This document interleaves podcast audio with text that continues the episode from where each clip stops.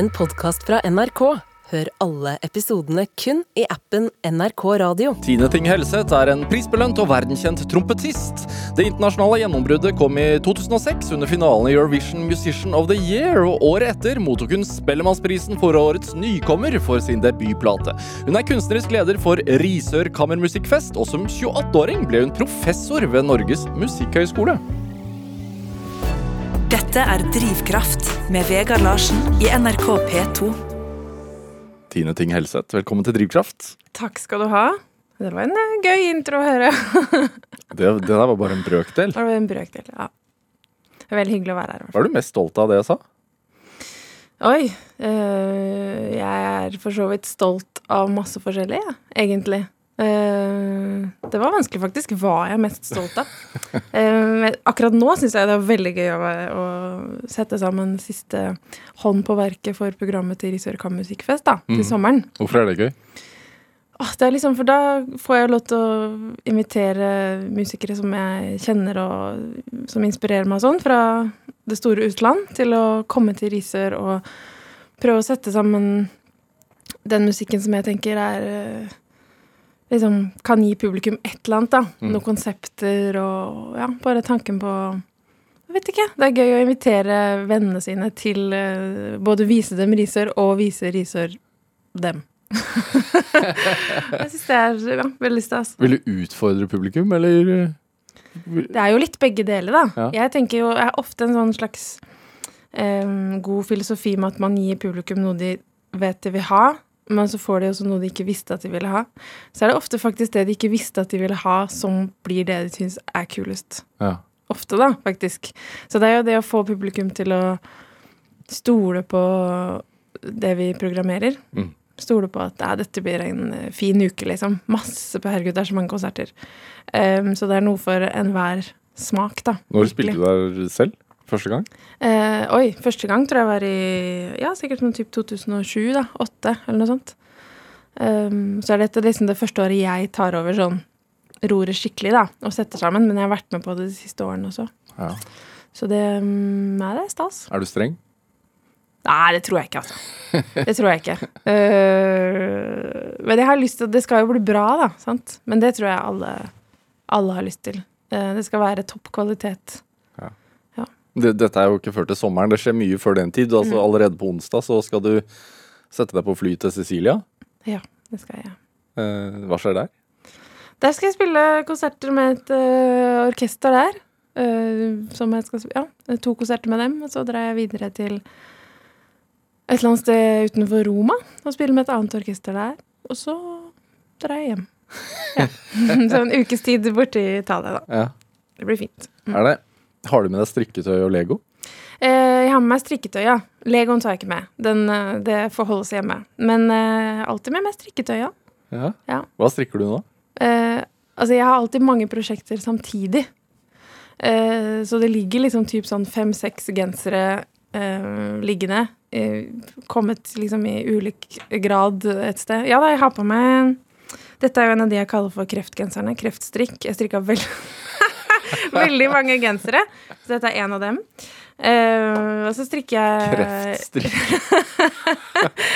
Da får man en tid. Det var, det var litt sånn typ da jeg visste at jeg var uh, Følte meg litt bedre etter kur. Det var når jeg klarte å sitte litt og strikke, da. Ja.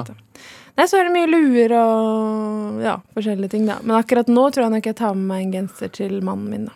Ja, Er det, altså, som trompetist så må du jo Mm. Du er jo flink med fingrene.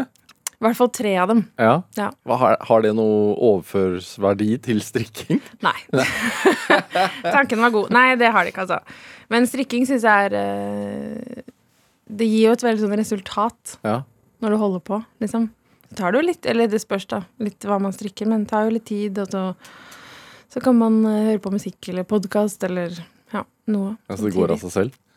Ja, både og. Det spørs hvor vanskelig det er sånn mønster og ting og tang. Men noe går jo ganske fort av seg selv. Ja. Men også når du skal reise til Sicilia og spille konserter, så nei, da skal du sitte og strikke. Nei, det gjør jeg ikke hele tida, altså. Langt derifra. Men på flytur er det fint å ha noe å gjøre.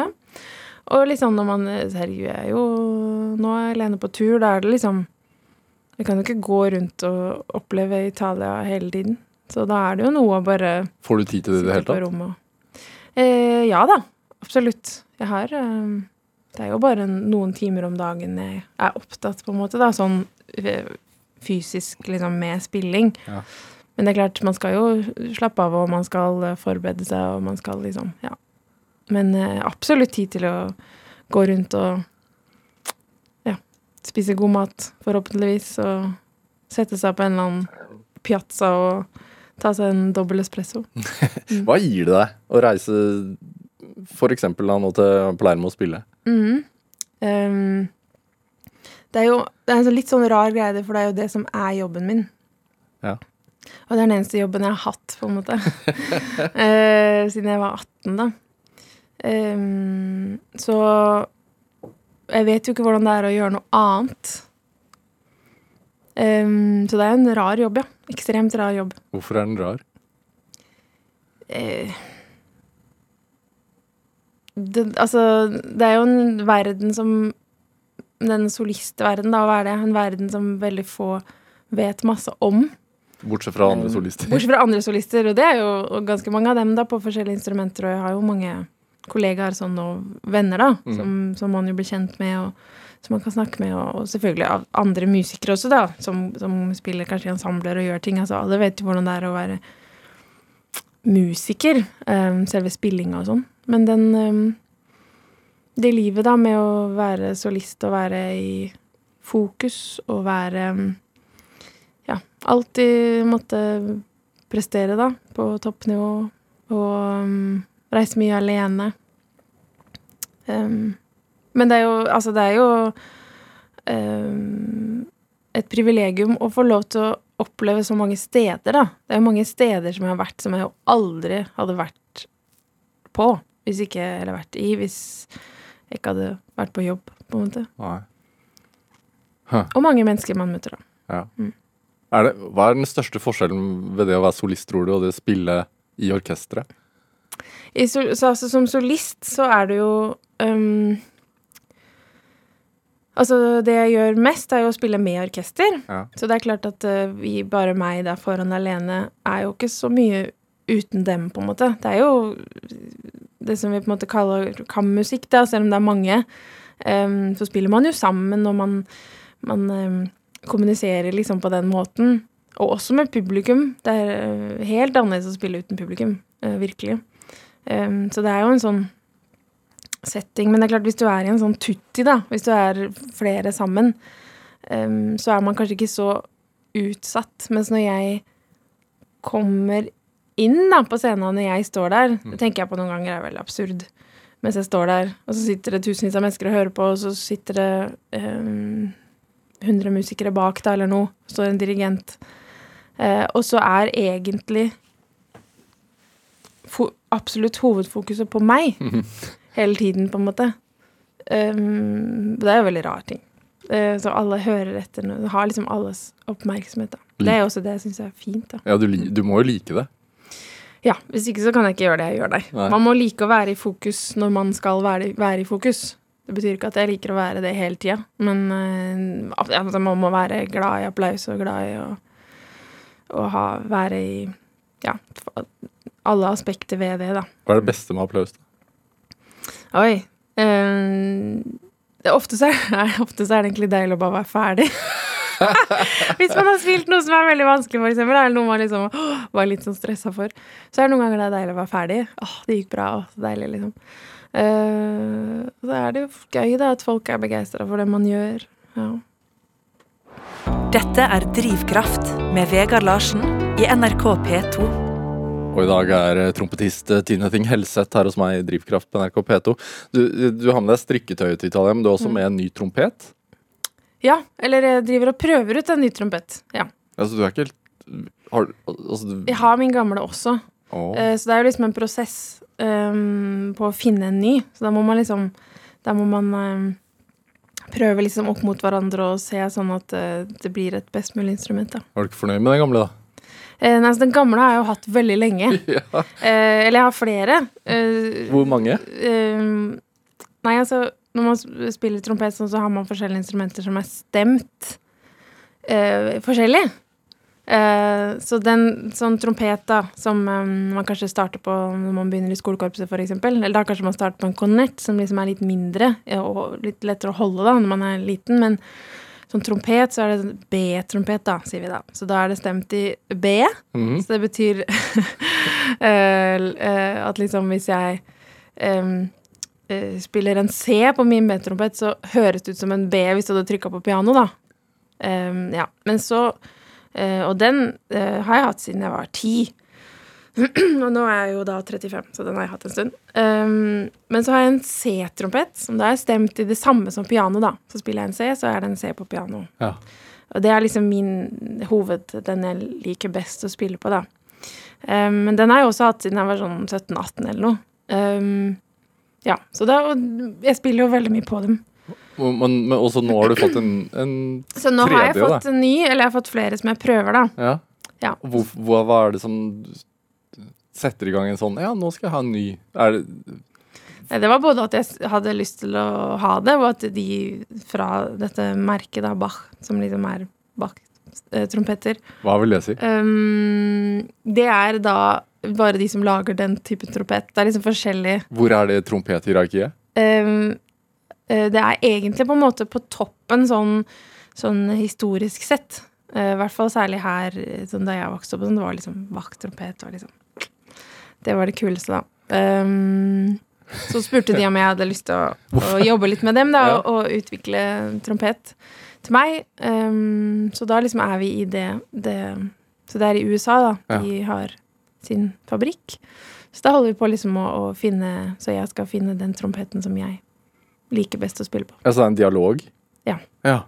For å finne ut. Det er jo litt sånn som de gjør med fioliner og sånn, bortsett fra at trompeter er ekstremt billig i forhold til fioliner. uh, og der spiller de jo gjerne på veldig gamle instrumenter. Mm. Uh, og jo eldre, jo bedre litt, lite grann, da, disse Stradivarius og Guarneri og disse typene. Um, men der også må man jo De prøver jo ulike å, å finne hvilken fiolin som liksom passer best da, til dems Eller hvor de får fram sitt um, sin eh, musikalske stemme, da, eller klang, på best mulig måte. Så det er jo det samme med meg, da. Det er jo på en måte å ha et best mulig verktøy. Altså til syvende og sist så er det jo jeg som spiller, ikke trompeten.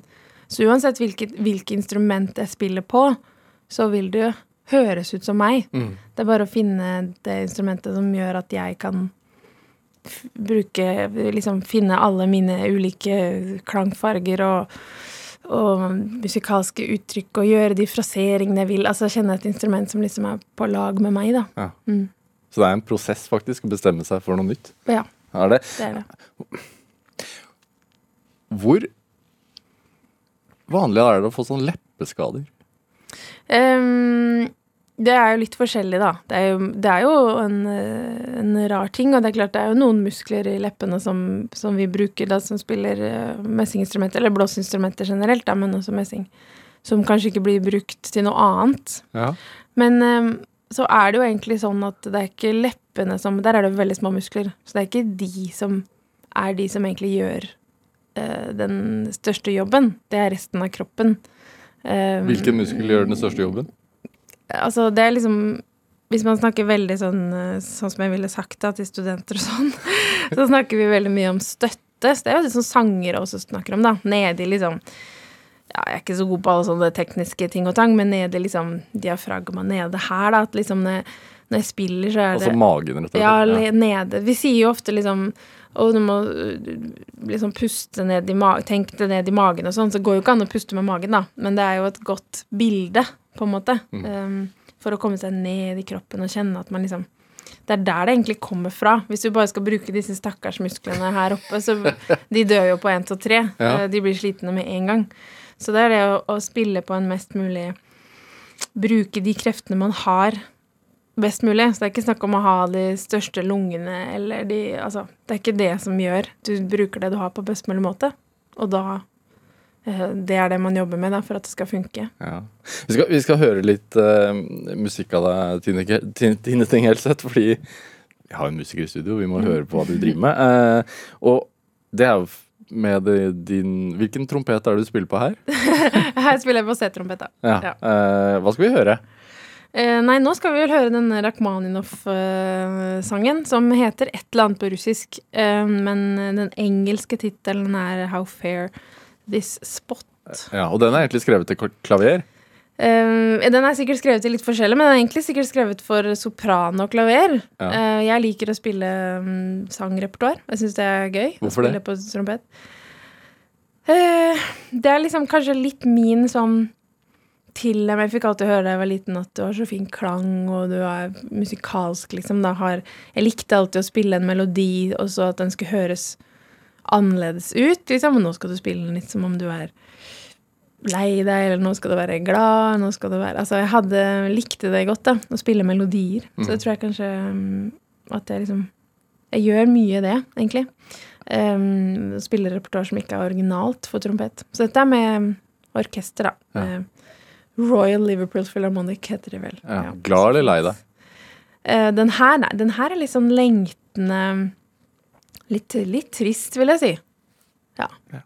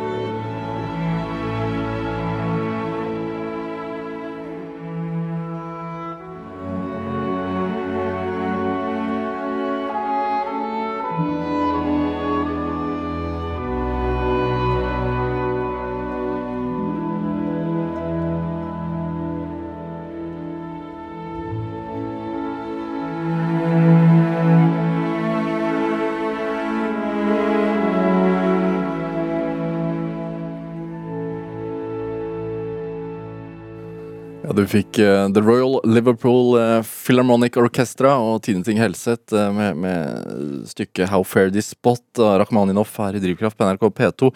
En låt vi spiller i dag fordi at trompetist Tine Ting Helseth er dagens gjest her i Drivkraft.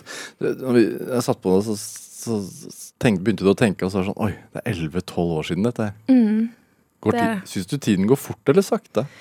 Jeg vil si både og. På ett Det skjer jo så mye i livet. Mm. Um, så det føles jo eh, altså, som en evighet siden. Altså, det er jo et helt annet liv. Mange liv siden, føles det. um, ja, absolutt. Hæ, Hvem var du den gang? Um, nei, jeg er jo for så vidt den som jeg er nå, da. Men det er klart Når man er da uh, Hva var jeg da, da? 22-23. Um, så er man et ganske annet sted i, i livet. Um, da hadde jeg jo allerede gjort dette For så vidt reist rundt i fem år allerede, da, på en måte. Mm. Men det er klart, da var jeg nok mer um, um, Da var det mye sånn Det var det jeg gjorde, liksom. Det var alt livet mitt handla om. Var å, å reise rundt og spille og liksom forberede seg og være, være det Tinting Helseth, da. Mm. Det var det livet var. Å være Tine Ting Helseth? Mm. Ja, hva betyr det? Nei, det var jo Det var liksom der jeg følte meg tryggest, da. Eller der jeg følte at jeg um, var liksom Jeg vet ikke. Jeg likte at folk var begeistra for det jeg holdt på med. Jeg følte at dette er liksom det jeg skal gjøre Mm. uh, i verden. Dette er grunnen til at jeg er her. Um, samtidig som at man, man er på sånn derre Man har satt seg på det toget um, som gjør Altså, så du hele tiden higer etter å uh, liksom spille med bedre musikere og bedre orkestre, spille på Man er på hele liksom management, internasjonalt management i London og plateselskap og altså Det er en sånn uh, greie, da. Man må liksom Det går og går. Mm. Um, Og et tog de færreste som driver med klassisk musikk, får lov til å gå på, da. Ja, så det føles jo også som en veldig sånn mm, eh, At jeg må være At liksom den der Om jeg må liksom Shit, den sjansen har jeg fått, så da må jeg være liksom takknemlig eh, for det. Oi, oi, oi. Um, dette er det veldig få som får i verden. Um, det er veldig få trompetsolister Mm. um, i, ja, i verden. Så liksom Oi, oi, oi, herregud. Uh, dette må jeg liksom Nå kan ikke jeg være sliten, eller jeg kan ikke være Altså, du liksom Du er en sånn greie, og så Ja, det føltes Det var liksom Det var min Det var da det livet jeg skulle leve, da. Ja. Litt sånn snev av sånn lidende kunstner, som er veldig Det er ikke noe vits, vet jeg nå, da. Men da kanskje det måtte være sånn at jeg, jeg måtte ha det fokuset Ja. for å takle det, da. Hva er en lidende kunstner? Nei, at man liksom tenker at uh, Altså fra gammelt er jo litt annerledes, men at jeg liksom tenker at eh, Ja, dette er det jeg skal gjøre da i livet. Så, så ja ja, så får jeg ikke de andre tingene. Men det går bra. Det, nå er det liksom dette eh, Dette er det jeg skal fokusere på, liksom. For meg selv og for andre og Ja. Når man sitter på det toget, da, for, å, for å prate i bilder, eh, ser man noen endestasjon? Eh, nei. Det gjør man jo ikke, da. Eh, man vil jo bare at det, det, det skal gå kulere og kulere steder. Eh, og selvfølgelig også at man skal utvikle seg, da. Um, og bli bedre, på en måte. Det er jo ikke sånn at jeg er ferdig utlært noen gang. Så man kan alltids eh, bli bedre på ting og tang, eller finne nye Ja, nye prosjekter, nye mm, måter å spille på og tenke på. Det er ikke sånn at man Eller ikke nye måter å spille på, da, men at man utvider eh, repertoaret både teknisk og klanglig og Ja. ting man opplever i livet, da. Men den posisjonen du har nå, så føler du det fremdeles? At det er noe du Altså, er det noe du jobber mot for å bli bedre på? Um, ja, eller at, at man lærer seg nye stykker, for eksempel, da. Ja. Nytt repertoar. Uh, så er det jo noe som er vanskelig, da. Sant? Det er ikke sånn at jeg bare uh, klarer alt på én, to, tre. Det er jo jobb, liksom. Um, å lære seg ting, og, og da i den forbindelse blir bedre, da. Mm. Kunne gjøre um, Ja, tekniske ting skal bli enda lettere um, å gjøre. Mm. Og ja, holde ting ved like òg, da. Ikke bare Har man lært seg det en gang, så greit nok, det er litt som at man kan sykle, men men man må holde seg i form, liksom. Man kan ikke bare og det, 'Dette lærte jeg meg for ti år siden, så det er bare å ta opp når som helst'. Sånn er det ikke, da. Er det Altså, du fikk jo, som du har pratet om offentlig flere ganger, altså du fikk jo en kreftdiagnose. Mm. Eh, 2021. Ja. Det, det, det er jo ingen som forventer å få det. Eh, Nei, overhodet ikke. Det er jo noe som skjer andre, og ikke en selv. Ja, du var 34 år. Mm. Eh, hva, hva, hva, tenker, hva tenker man om den togturen da? Den er jo Den har uansett blitt annerledes før det, etter at jeg jo skjønte at livet er mye mer enn å spille trompet, og jeg traff mannen min, og, og man har plutselig lyst til å være med hjemme, og man liksom tenker at å ja, jeg kan jo ha et eh, rikt liv som ikke bare er å spille trompet eller drive på med musikk. Um, men for min del med, med kreften og sånn, så kom det jo også veldig brått på. Jeg følte meg helt frisk. Ehm, jeg bare fant en, en liten kul eh, ved kragebeinet. Um, en lymfeknute, da, var jo det. Heldigvis ikke jeg sjekka den veldig fort, fordi osteopaten liksom sa du kan jo gå og sjekke den, da. Um, liksom, for den dukka plutselig opp etter en, en behandling, da. Eller sånn vi hadde drevet, og jeg er jo mye stiv og Mm. både fra reising og spilling så får man jo litt sånn um, slitasje eller ting og tang, da. Em, så plutselig så dukka nå den opp. Så det var Så det føltes jo litt som Jeg så den i speilet, jeg var på Trondheim Kammermusikkfestival, og plutselig sminka meg, så plutselig Å ja, det er noe her som ikke er på den andre siden. Det var jo litt rart, men men eh, han dreiv jo der bare i går, og da var det jo ikke noe der. Så dette er sikkert bare sånn muskel eller. Altså man tenker liksom at det er vel et eller annet bare, da. Mm. Um, og så, så det var jo slutten av september. Og så to uker seinere, så Eller nesten tre uker etter det, så var jeg Så ringte jo legen og sa at uh, blodprøvene dine er rare, og du Kort fortalt, da. Du skal på akutten på Lovisenberg nå. Ah. Fordi vi skal sjekke at du ikke har lymfom. Så jeg bare, og det visste jeg at det var kreft, da. Så jeg bare nei, det skal jeg ikke ha. Nei, det skal du ikke ha. Men så hadde jeg jo det, da. Så det, dagen etter fikk vi vite det. Og så, så da Da endrer jo livet seg totalt, da. Ja. Da er liksom det toget Hvem bryr seg om det, liksom? Da bryr man seg jo bare om man blir frisk, på en måte. ja. Så jeg var på vei inn for å øve da legen ringte og sa det. Men så da øvde jeg ikke, da. På syv måneder, eller hva det var. Etter det. Du kunne jo valgt å bare sagt at du tok en pause. Mm.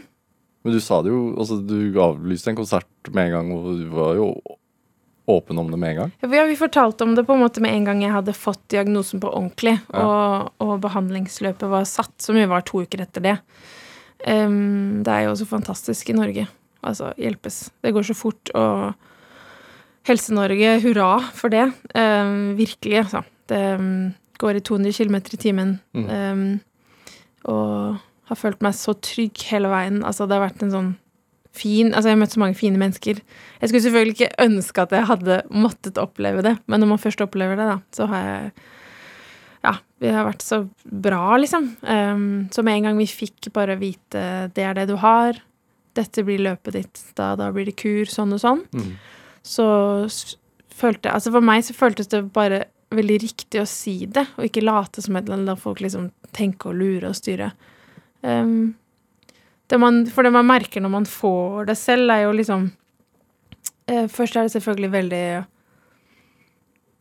Helt sånn absurd um, opplevelse, i hvert fall siden jeg følte meg frisk, da. Mm. Å sitte der og og liksom legen kommer inn, man skjønner jo med en gang at det er noe gærent, uh, på en måte, da Hvor man ser det. etter den CT-en. Ja, sant, vi satt og venta, mannen min var med, da. Uh, Det var heldigvis ikke full nedstengning Det var liksom mellom nedstengningene, så han kunne fint være med og sånn på Ja. alle tingene i starten. Og vi venta på resultat på den CT-en. Um, så vi gikk imellom sånn Nei, men det er ikke noe gærent Altså, du føler jo helt Altså, vi gikk gjennom sånn og så, og så den der Nei, det er sikkert Å, herregud, det er sikkert kreft, jeg kommer sikkert til å dø, liksom. Altså, man gikk mellom de to før legen kom inn, da. Eh, men så hun kommer inn, drar frem en stol og setter seg ned og beklager at det tok så lang tid, men jeg måtte ta noen telefoner. Da skjønner man jo at ok. Mm. Um, så vi har funnet noe, da. Og, så du har kreft, liksom. Og da er du jo helt sånn derre Men hun sa, hun sa jo med en gang at uh, Men denne typen som vi håper det er, uh, har vi veldig god behandling på. Hm. Så liksom Dette kommer til å gå bra, da. Men det glemmer man jo selvfølgelig, da, at hun sa. Men, men jeg var jo heldig som hadde en sånn type. Ja. Hva pratet dere om hjemme den kvelden? Um, altså, det, det Et døgn, da, hadde vi det for oss selv. Em, før vi fortalte det til noen. Vi skulle egentlig på uh, den Rest. Ja, på restauranten. eh, ja, hadde vi egentlig bestilt, så jeg hadde bestilt lenge for meg. Jeg er veldig glad i god mat. Så vi liksom koser oss med det. Mm. Og, og liksom gjør sånne ting da innimellom. Så jeg hadde gleda meg til å dra på den. Uh, det gjorde du ikke, da. uh, nei, vi gikk nå hjem, da. Ehm, hva gjør man liksom da? Det var kanskje Jeg tror kanskje egentlig kvelden før var verre, for det var en sånn Jeg hadde vært på sykehuset, tatt noen prøver, og sånn Du må komme tilbake i morgen tidlig for å ta CT. Så da visste vi på en måte ingenting. Eh, det var nesten verre enn å ha fått beskjeden Du har det. Mm. Um, fordi da vet man i hvert fall noe. Men det er klart, det var jo først um, to uker etter det at jeg var på Radiumhospitalet og fikk at det var akkurat det, da. Mm. Men det, ikke sant, hun, hun var så veldig sånn Du skal komme, du skal dit. Nest på tirsdag skal du til Radiumenta Petsete På onsdag skal du hit. Så skal vi ta Benvesrud på torsdag. Altså alt var sånn, Det var lagt opp et sånt løp, da. Mm. Så det var ikke sånn at vi bare ble sendt hjem og liksom Nå må dere vente på et eller annet. Det var liksom en tydelig plan fra første stund. Men, eh, så det, men det verste var jo å tenke på at vi skulle fortelle det, da. Til de rundt oss. Fordi um, Det er- påvirker jo andre. Det endrer jo dems liv også, ikke bare vårt. Ja, Mm. akkurat der og da. Hvorfor er det nesten verre enn å bare Men å bare være i det. Ja. det, det er jo folk, Du har jo folk rundt deg som du vet at er glad i deg, da, og byr deg om deg, som jo kanskje også blir på en måte enda reddere, fordi vi er jo liksom Jeg er jo i det, snakker med legen, er med sykepleier, er i liksom behandling. Så man får vite alle tingene underveis. Mens de som ikke da eh, er med oss hver dag, da er det liksom Da kan jo alt skje. Mm. Kanskje lite grann, da. Den følelsen. Hvordan har det året vært?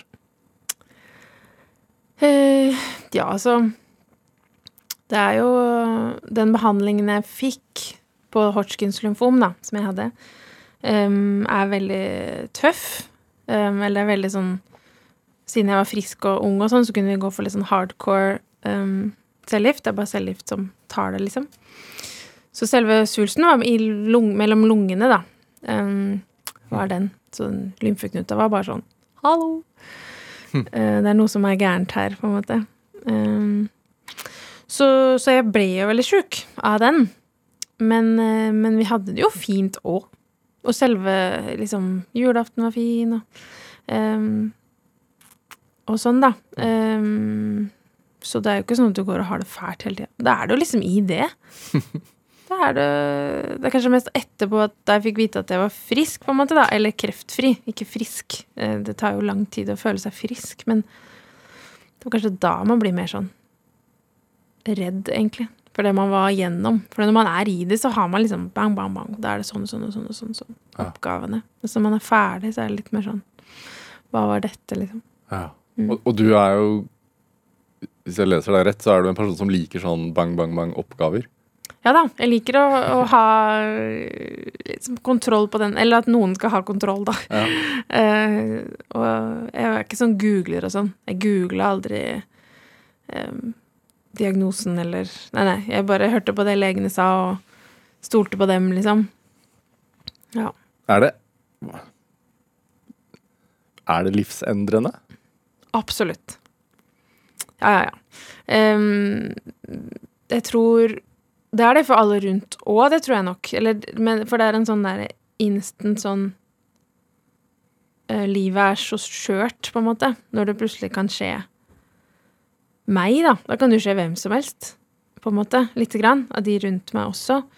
Um, men så merker man jo også da, når man første gang jeg var på Radiumhospitalet, så bare Dette er jo et gigantisk sykehus, og her har de bare kreft de driver med her. Mm. Så det må jo være Det er veldig mange som har det, og får det, men alle disse dør jo ikke. Så det kommer litt sånn derre det, det er liksom Kreft er et mye skumlere ord enn det alltid er, da. Mm. Um, det er jo ikke sånn at man dør. Noen få, altså noen og noen typer, så er det det som kan være utfallet, men de aller fleste overlever jo, på en måte, da. Og, men det endrer livet totalt, selvfølgelig. Jeg tenker helt annerledes nå, eller har en mer sånn fysisk følelse av Jeg vil ikke at at ikke sant, mitt liv øhm, jobbmessig er jo veldig sånn at øh, når jeg snakker med manageren min og de rundt meg nå, så ja, ja, jeg snakker om at jeg skal til Italia òg, selvfølgelig alle om det, men vi snakker også om hva jeg skal om to år. Eh, og hva har du lyst til å spille da, liksom? Hvilke stykker har du lyst til å spille i, i juni 2025, liksom? Så bare Ja, men det Altså all, Livet foregår alltid liksom i fremtiden hele tiden. Ja. Mens nå er jeg litt mer sånn Jeg vil ikke at alt skal gå så fort. Jeg har bare lyst til å være her. Så nå sitter vi her, liksom. Ja. Og er her. Eh, det er jo veldig sånn klisjé, da. Eh, men det blir eh, Ja, jeg har ikke lyst til at alle dagene skal gå så fort eller hva skal vi, liksom? Vi dør jo til slutt alle sammen uansett. Det blir litt det, da. Du er blitt flinkere til å ta ting på sparket? Ja, eller i hvert fall å prøve å ha det litt fint hver dag, da. Hva gjør du da, da? For å få det litt fint hver dag? Nei, det er jo vanskelig, da, men eh, det kan jo være alt fra å sette pris på at, eh, at jeg har et fint hjem, eller at jeg har verdens beste mann, eller at jeg har liksom gode venner, jeg kan ta en kaffe, jeg kan Selvfølgelig også en gang iblant syns jeg det er gøy å øve òg. det er ikke alltid jeg syns det er gøy å øve, men det må jeg jo. Og liksom være ja, takknemlig for det, Mm. det man har, da. Ja. Så det å spille har blitt, sånn som du sa litt tidligere, mer en jobb? Ja. Vi skal høre litt mer. Mm. høre fra den nyeste plata di, mm. som du spilte inn etter at du ble Jeg spilte den faktisk inn rett før, men den kom ut Ja. etter at det, den skulle Vi skulle satt i gang med sånn redigering og sånn da jeg ble sjuk. Vi skal, vi skal høre Elegy. Hva, hva skal vi høre etter? Um, nei, dette er jo en um, eh, armensk komponist, sånn gamle Sovjet, um, men litt sånn jazzy, faktisk, syns jeg. Um, jeg spiller flygelhorn her, da. Det har litt større klang. Litt uh, mørkere klang, kanskje, enn det vi hørte i stad. Jeg syns den er fin.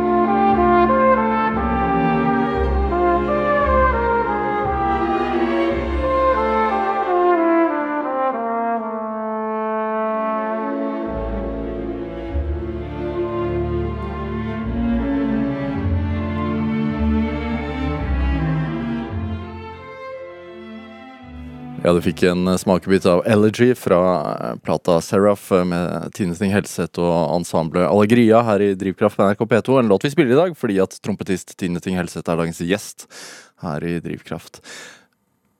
Hvorfor ble det trompet? Du er født på Vålerenga i Oslo. Et, et, midt, Eller Etterstad, faktisk, vi skal være helt konkret, men det er jo rett ved siden av Vålerenga. Jeg gikk på Vålerenga skole og ja. jeg er fordomsfull, men er det et stort klassisk miljø på Vålerenga? Nei, Eller på Etterstad? det er det ikke. Um, jeg kommer jo fra korps, da. Ja. Det er derfor jeg har begynt å spille. Um, nei, det er veldig mye fotball og hockey og sånn, ja. ja. Um, og, men det er jo topp, det. Jeg spilte fotball òg, jeg. Mm. Hvor? På Vålerenga, da, Ja, men selvfølgelig. på banen. Å uh, oh, ja. Ja, det var liksom Jeg var kanskje litt sånn Det var liksom blandings mellom liksom typ forsvar og midtbane. Altså, jeg var ikke så glad i å heade. For jeg var redd for å få ballen i ansiktet. Altså på For jeg spilte Det var jo trompet jeg skulle gjøre. Det visste jeg fra jeg var veldig liten. Ja. Så jeg var litt redd for det. Um, Og moren din spilte trompet? Ja. Var det derfor? Ja, det var det jo sikkert, på en måte. Ja, ja. Så jeg fikk jo en trompet ganske tidlig på meg. Eller jeg lekte liksom med den, da. Og så begynte jeg å spille hos en um, som var en venninne av mamma. Heidi Johansen, som spiller i operaen. Operaorkesteret nå, da, fortsatt. Men som jeg begynte å Da jeg var sju, da. Begynte Ja. jeg hos henne. Mm. Hva sa hun? Uh, Heidi var helt topp. Hun, eh, hun uh, var veldig, altså, veldig glad. Hun var super på alle vis. Um, men sa ikke så tydelig til meg hvor flink jeg egentlig var. Ja, For du var For flink alderen. tidlig. Ja, folk rundt så jo det veldig. Eh, og hun visste selvfølgelig at det var det. Det altså hun, og hun var jo opptatt av å, å legge et godt grunnlag, da. Eh, for det er jo litt sånn som hvordan man lærer. Det er veldig viktig. at man er veldig heldig hvis man har en veldig god lærer fra starten. Sånn med alt fra munnstilling til liksom pust og til hvordan man Altså alle disse tekniske tingene som man da kan kanskje slippe å fikse seinere, men heller videreutvikle og liksom Ja. Så hvis man har et godt grunnlag, sånn er det jo med alt man skal lære seg. Hvorfor syns du det var gøy? Eh, for jeg fikk jo ting til med en gang. Sant? Når man får til noe med en gang, så er det jo gøy. eh, og og eh, ja, jeg syns det var jeg, jeg tror jeg har følt et eller annet da, da jeg spilte, at dette er noe som ja, som jeg får til, og som, som føles, fi, føles bra, da. Eh, det må ha vært noe sånt. Mm. Um, ja, og så skjønte jeg det jo mer Jeg fikk liksom ordentlig sånn skjønne det første gang jeg var med i en konkurranse. Det var sånn tolv eller noe. Hva slags konkurranse? Det var Oslo Akershusmesterskapet for solister, som da Norges Musikkorps Forbund hadde, så det var alle korpsinstrumenter, liksom. Eh, aldersgruppe. Så det var ikke bare trompet i min gruppe, det var liksom alle blåseinstrumenter. Så var jeg yngst i min gruppe, og så vant jeg der. Eh, og det husker jeg var sånn, kom som sånn sjokk um, ja, på meg. Og det var liksom fint, for da merka jeg det litt sånn selv. Jeg husker andre kom bort og bare 'Herregud, du kunne jo kommet inn på Musikkhøgskolen nå', og sånn. Jeg bare var helt, syntes dette var helt rart, liksom. At, um, men det var så fint å oppleve det liksom på egen hånd. Og ikke, for det er så mange som blir haussa opp så tidlig, og da tror jeg at, at det er lett at man ikke helt vet hvorfor man egentlig spiller. Uh, om det er fordi andre For at man gjør det fordi man føler at man må det for andre. Man liksom skylder foreldrene sine det, eller, eller læreren sin, eller, eller at man liksom tenker at å ja, men dette er jo det jeg gjør, eller dette er det folk rundt meg gjør, hvis man kommer inn i et sånt talentmiljø veldig tidlig. Mm. Så kanskje man plutselig Har du sett mye av det? Ja, man ser en del av det. Det Som i alle andre idretter og ting og tang, sikkert. Og alle sånne ting, da. At man liksom ehm, Kanskje man eh, begynner på Musikkhøgskolen, og så plutselig etter et par år så bare Men det er kanskje ikke egentlig dette jeg vil? Eller sånn at man liksom Dette har jeg bare gjort nå fordi folk Jeg var jo flink til dette, og dette var det som Mm. Kanskje man Ja. Så jeg tror det er viktig, da, å, å kjenne på den at man Dette er noe jeg vil selv. Um, ja. Hvor mye konkurranseinstinkt har du? Eh, jeg hadde nok mer før enn jeg har nå, altså. Jeg er litt sånn eh, Du mener på sånn Mener du på sånn eh, trompetmessig, eller Ja, mener altså, du vanlig sånn jeg spiller spill, liksom? Brettspill? Ja, nei, ja, men jeg bare tenker sånn, Siden du vant en konkurranse som Ja. tolvåring og tenkte at wow Ja. Og sånn jeg forstår det, altså når du sier at du må øve for å bli bedre og Mm. Hvor mye er konk i konkurranse mot seg selv for å Det, er så, altså, så, man har jo Det er jo jeg som er min største konkurrent? kritiker, på en måte, da. Ja. Ja. det er jo meg som liksom åh, Så blir det sånn åh, Det var unødvendig, liksom, at det måtte du skødde på den tonen, liksom. Det var jo litt teit. Um, men samtidig så um, Det er jo det som er den store forskjellen da, på musikk og idrett, for eksempel.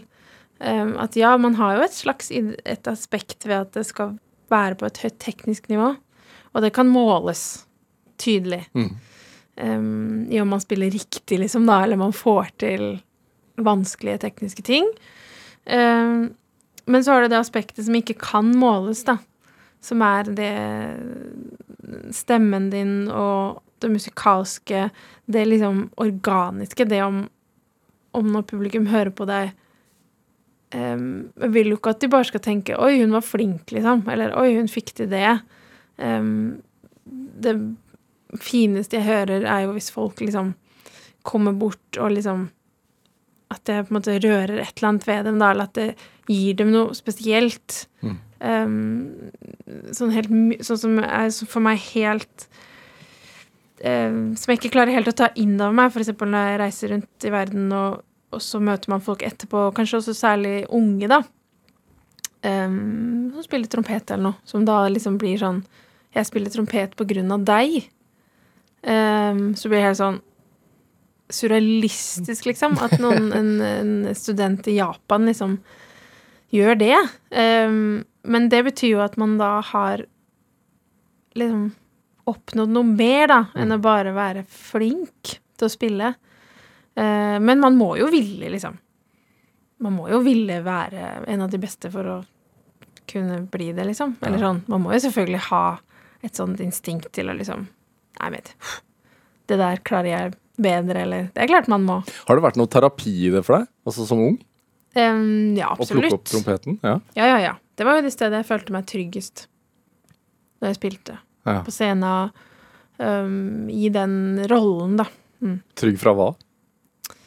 Fra det vanlige livet, kjas og mas, og, og sikkert tanker og, og ja, angster for ting og tang, og liksom alt. Det, mens, mens når jeg spilte, så, så var alt eh, Eller det er skummelt, det òg, men, eh, men det føltes ikke så skummelt som selve livet, på et vis, da. Mm. Hva med nå, da? Ehm, jo da. Ehm, jeg valgte jo Altså, jeg tok faktisk et valg lite grann da jeg ble frisk. Ehm, eller kreftfri, uh, når jeg skulle begynne å øve igjen. Ehm, om å fortsette.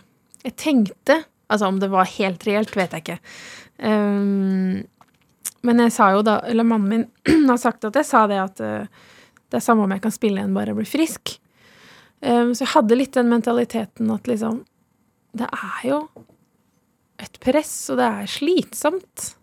Et, en, et, veldig, et yrke hvor du setter deg selv veldig sånn du, Det er ikke En vanlig dag på jobben er liksom Du må være 100% på ja. når du jobber, da. Så Ja. må du være liksom, Da er det 100 um, Så du kan ikke være litt Altså, selv om jeg nå um, liksom sliter litt med sånn fatigue og ting og som er veldig vanlig å gjøre etter behandling, så kan jeg ikke liksom Når jeg går på scenen, så kan jeg ikke bare ah, litt sånn eh, I dag er jeg litt ekstra sliten, liksom, så jeg kan ikke spille 100 Det er jo ikke snakk om. Sånn som alle Så- andre egentlig har en, en dag på jobben innimellom. Sånn i dag har jeg bare vært litt halv maskin. Ja, det kan jeg ikke. Når jeg er på sånn jobb, så kan jeg liksom ikke det, da. Så det er jo du, du Selv om jeg ikke jobber eh, Jeg reiser jo ikke hele tiden og, og sånn. Eh, Jeg reiser mye mindre nå enn jeg gjorde før.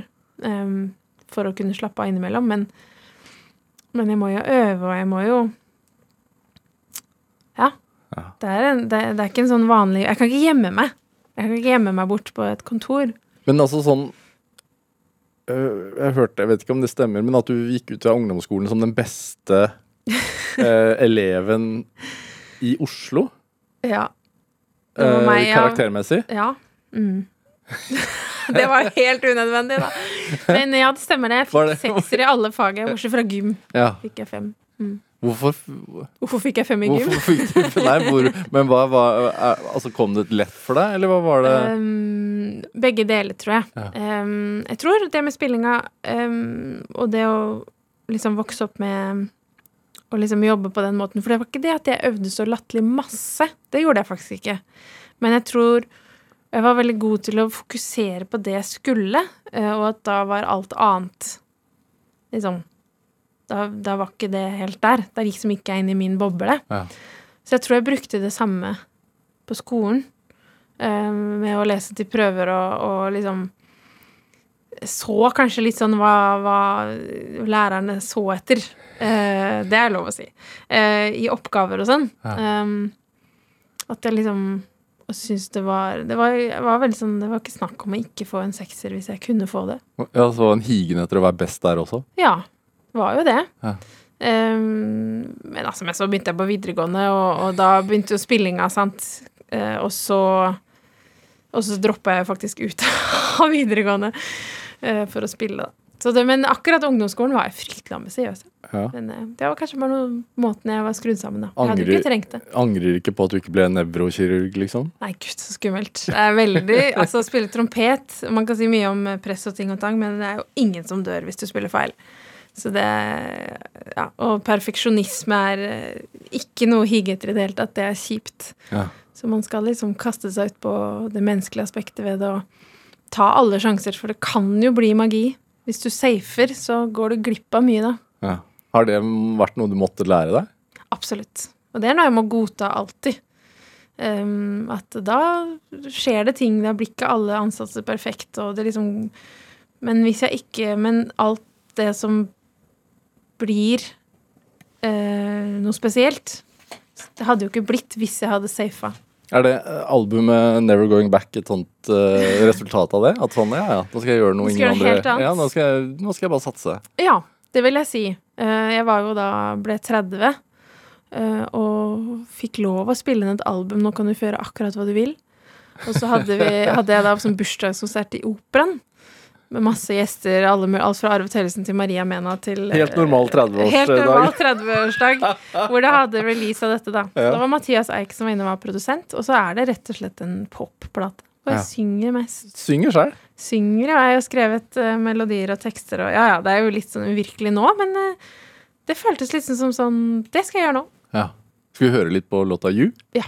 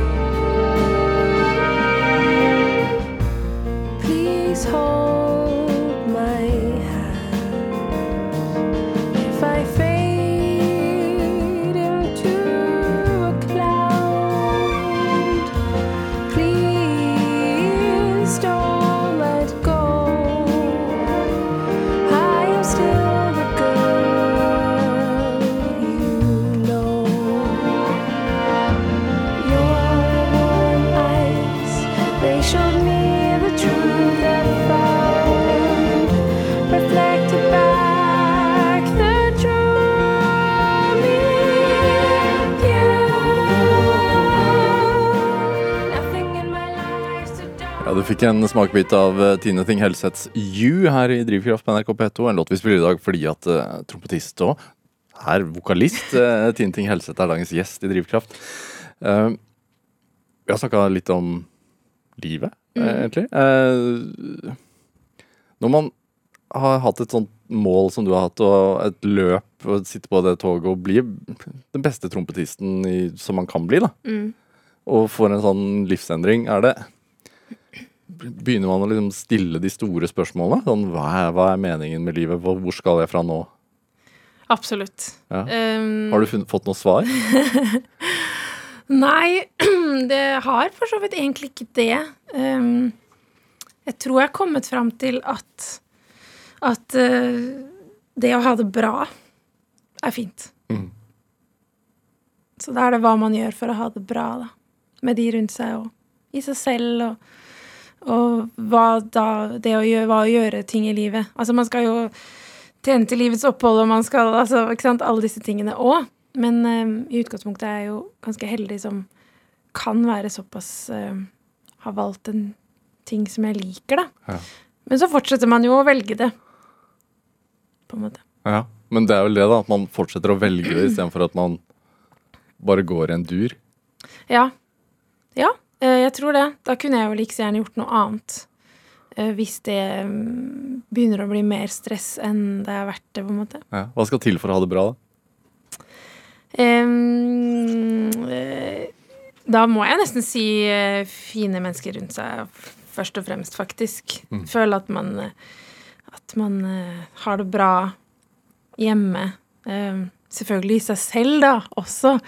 Men eh, jeg er veldig liksom em, avhengig av de fine menneskene rundt meg. Mm. Hva er drivkraften, da? Ja, eh, dette visste jeg jo at du kom til å spørre, for jeg har hørt mye på programmet. Eh, og det hadde nok vært annerledes før. Da jeg var yngre, så hadde det nok vært mer sånn derre min indre stemme og liksom ja, få til mest mulig og sånn. Men jeg tror kanskje akkurat nå i dag så er det bare å gjøre det som gjør at jeg har det bra. Tine Ting Helse, tusen takk for at du kom til Drivkraft. Takk for at jeg fikk komme. Hør flere samtaler i Drivkraft på nrk.no eller i appen NRK Radio. Eh, produsent og researcher i dag, det var Camilla Bolling-Muir. Dette var Drivkraft. Jeg heter Vega Larsen. Vi høres. Du har hørt en podkast fra NRK. Hør alle episodene kun i appen NRK Radio.